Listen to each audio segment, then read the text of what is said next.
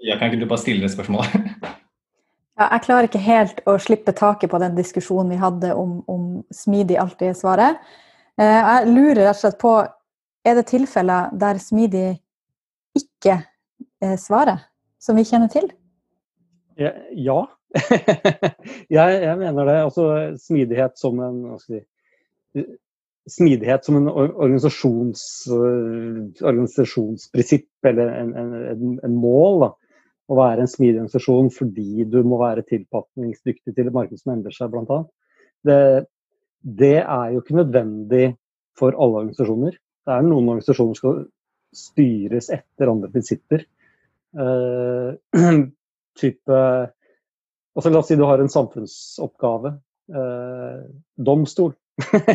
eller en eller annen kontrollfunksjon i, i, i, uh, i staten det er en helt annen si, uh, stabilitet i omgivelsene, stabilitet i det du skal gjøre, stabilitet i mandatet ditt, stabilitet i, i uh, rigiditet da, i strukturene du skal bygge. Men hvis vi da, Kom, ja. hvis vi da ikke snakker om eh, å være agil, men å være lean, altså ressursoptimalisering, har man ikke nytte av det også i en, i en sånn type bedrift eller organisasjon? Jo, eh, betydningen agil, ja. Nei, ja, i, i lean, mener jeg. I, i, I, å ikke bruke for mye ressurser. Selvfølgelig, ja. Eh, og da kommer vi tilbake til disse prinsippene da, hvor, det er, hvor, det er, greit. Men ja. Er, Hva er egentlig motsatsen til, til å være smidig eller lean? Og det er, er, motsatsen at du sløser og bruker unødig mye tid. Sånn, så, er det jo ingen som uh, tror jeg vil argumentere for at det er lurt. Eh, eller er motsatsen at du er mer forutsigbar? Og da vil jeg jo si at en del eh, kontrollvirksomhet, eh, domstoler eksempelvis, som du nevnte, Jens Andres, er jo en fordel for, for samfunnet at det er relativt forutsigbare jeg tør å påstå at det er en misforståelse her, og at eh, smidig er det å ta første steget uten å tenke over hvor du skal hen. Det er en misforståelse.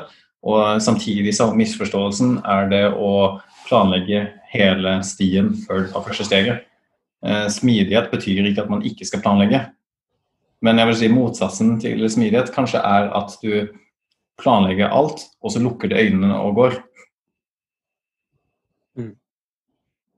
Og da, du har jo ja, ja, Jeg bare tenker på litt sånn eh, Hvis vi går bort fra den type um, organisasjoner som du snakker om, Jens Andreas, så er det jo også eh, f.eks. private aktører da, som er i bransjer hvor det er ekstremt regelstyrt. Altså luftfart, f.eks.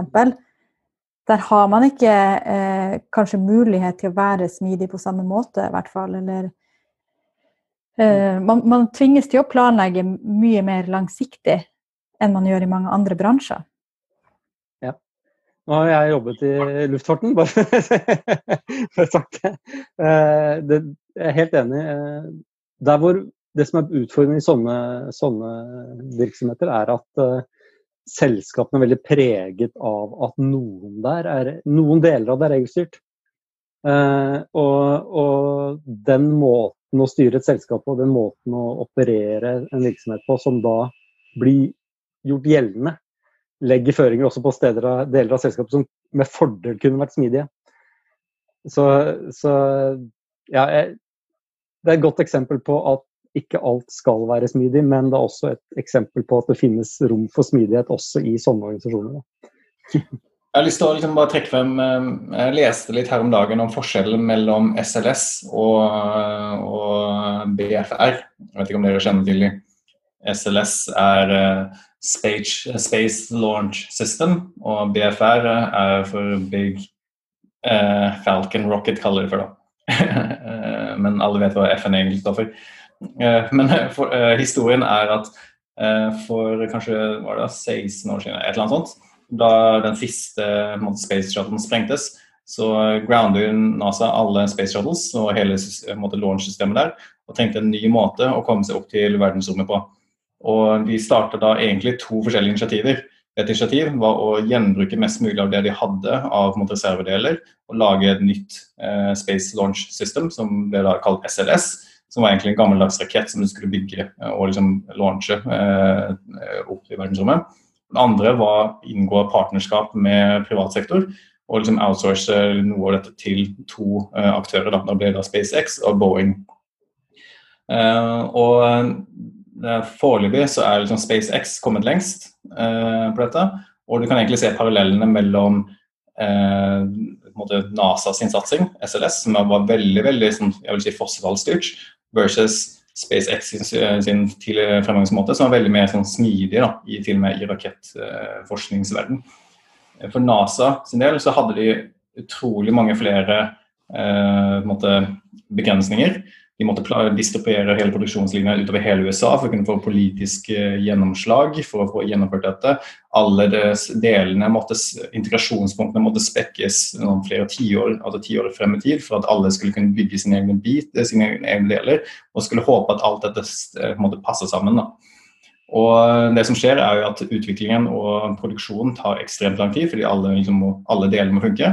Og hvis én del er forsinka, så blir alle andre forsinka. Fordi du kan liksom ikke bare si en, altså en, eh, en operatør av en rakett kan liksom ikke bare permitteres. Liksom, altså, de, de, har ikke noe alternativ, de, liksom, de har masse driftskostnader bare i det. Mens SpaceX hadde en annen eh, fremgangsmåte, hvor de egentlig bare vi bygger ting kjapt og gærlig. Vi skyter opp i lufta, ser hva som skjer. Og hvis det ikke funker, så itererer vi. Og det som skjer nå, er at SpaceX er på vei til å launche sin Dragon X-capsule opp til ISS. To dager til, faktisk. NASA fortsatt med eh, flere titalls gangers høyere budsjett, fortsatt er stått på bakken nå. Mm. Så det å tro at liksom, smidig tilnærming kun funker i softwareutvikling, er også en misconception. Men kan alle jobbe smidig? Nei, eh, det er også interessant, fordi eh, du, det krever en viss andel av at folk Altså det krever at de folkene som er involvert, er til en viss andel eh, En mangel et bedre ord oppegående. Eh, det er en forskjell mellom folk som liker å bli fortalt hva de skal gjøre, og folk som er gode på å finne ut hva man skal gjøre. Og folk trives i forskjellige ender av skalaen til forskjellige tidspunkter på døgnet. Liksom. Noen liker å bare få en oppgave eh, og jobbe og, gjøre den oppgaven best mulig. Mens andre liker kanskje mer å stille spørsmål rundt er dette riktig oppgave eller ikke, eller riktig måte å løse oppgaven eller ikke. Og selvfølgelig så varierer folk mellom disse to hele tiden, mellom åtte eller fire. Eh, men du trenger en god blanding av de to for at du skal kunne jobbe smidig. Sitter du kun med folk som kun er opptatt av å gjøre oppgaven best mulig, så, du, så funker det liksom ikke. fordi da er det ingen som stiller spørsmålet gjør det på riktig måte eller ikke. Jeg, et, jeg, liker du, eh, jeg, liker at du, insinuerer at en rakettforsker i NASA ikke er oppegående. jeg bare, jeg kunne ikke dy meg, jeg måtte si det. God Jens Andreas. Jeg har eh, et eksempel fra luftfarten. Da eh, nye delen av Gardermoen ble bygd, Eh, så hadde tok man læring fra åpningen av Heathrow noen år tidligere, altså den nye delen av Heathrow. Eh, og man kan se for seg et sånt byggeprosjekt, jeg lurer på hva 14 milliarder kroner koster, eller noe sånt nå, som er jo et gigantisk fossefallsprosjekt sett utenfra. Eh, det Heathrow gikk på trynet eh, fordi den dagen de åpna, på tid, til kost og alt mulig, så var det ingen som visste hvor det skulle gå. Så det man gjorde når man åpnet eh, T2, da, som det heter på, på Gardermoen, eh, det var å bake inn en soft launch mange år før den åpningsdatoen som da var satt av planleggingsgruppen. Så man gjorde en soft launch med først en, en betatestegruppe rekruttert av ansatte osv. Så begynte man å fly eh, flighter inn til den nye delen. Eh, enkeltavganger som, som landa, og man gjorde brukerundersøkelser og masse gøy, ekte, eh, smidig tilnærming. Eh, sånn at den dagen man klippet snora offisielt åpnet selve terminalen, så hadde den faktisk vært i drift i halvannet år. Etter prinsipper om brukertesting og eh, læring underveis. Da. Og når det, si, når det, er sagt, da, så var det jo masse elementer her av at asfalt skulle støpes og rør skulle legges og ting skulle skje i riktig rekkefølge, som måtte gjøres på forhånd. Men det man klarte, var å identifisere elementer her som var viktige suksessfaktorer, som var ukjente. Som man måtte ta og bake inn i planleggingen. Jeg har lyst til å tilføye et annet eksempel som også ligner litt. Eh, jeg husker ikke helt, helt i farta hvilket sykehus det var, men eh, man hadde faktisk en halvveis smidig tilnærming til bygging av et sykehus. Ved at eh, du kan liksom ikke, du kan ikke ha en gradvis åpning av sykehus, fordi liksom plutselig oppdager du at her har vi ikke noe akuttavdeling. Det funker liksom ikke.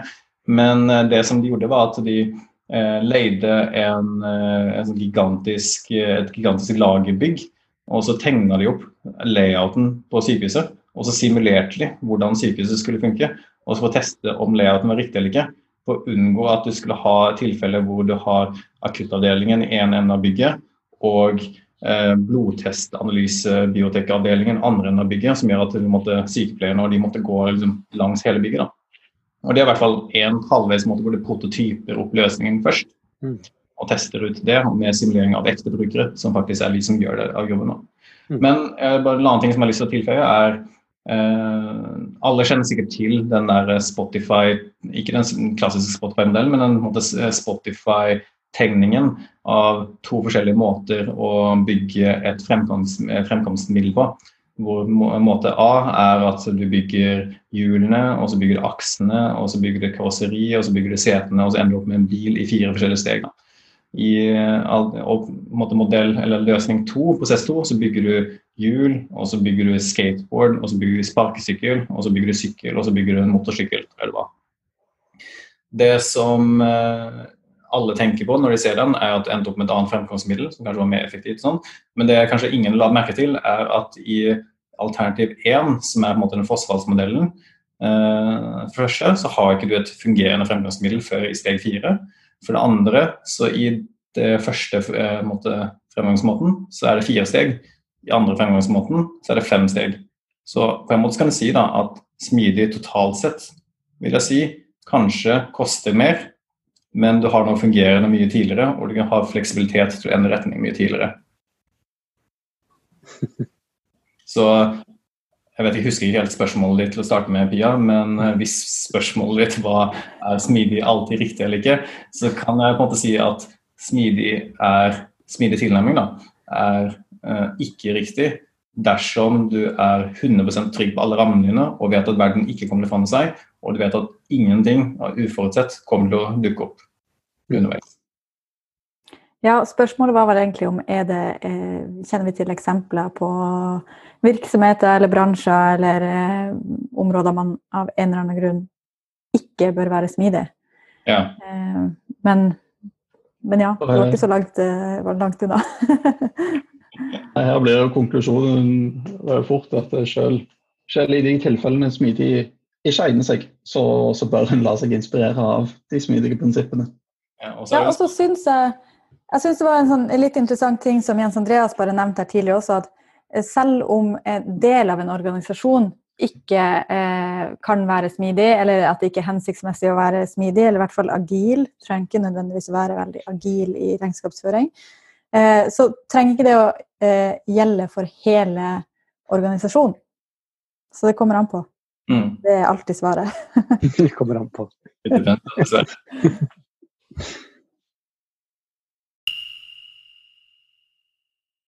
Drypp er en lavterskelpodkast fra Beck, hvor vi diskuterer diverse temaer som interesserer oss. Og Hvis du har et tema som du har lyst til at vi skal snakke om, eller du vil være med på en innspilling, ta kontakt på drypp.beck.no.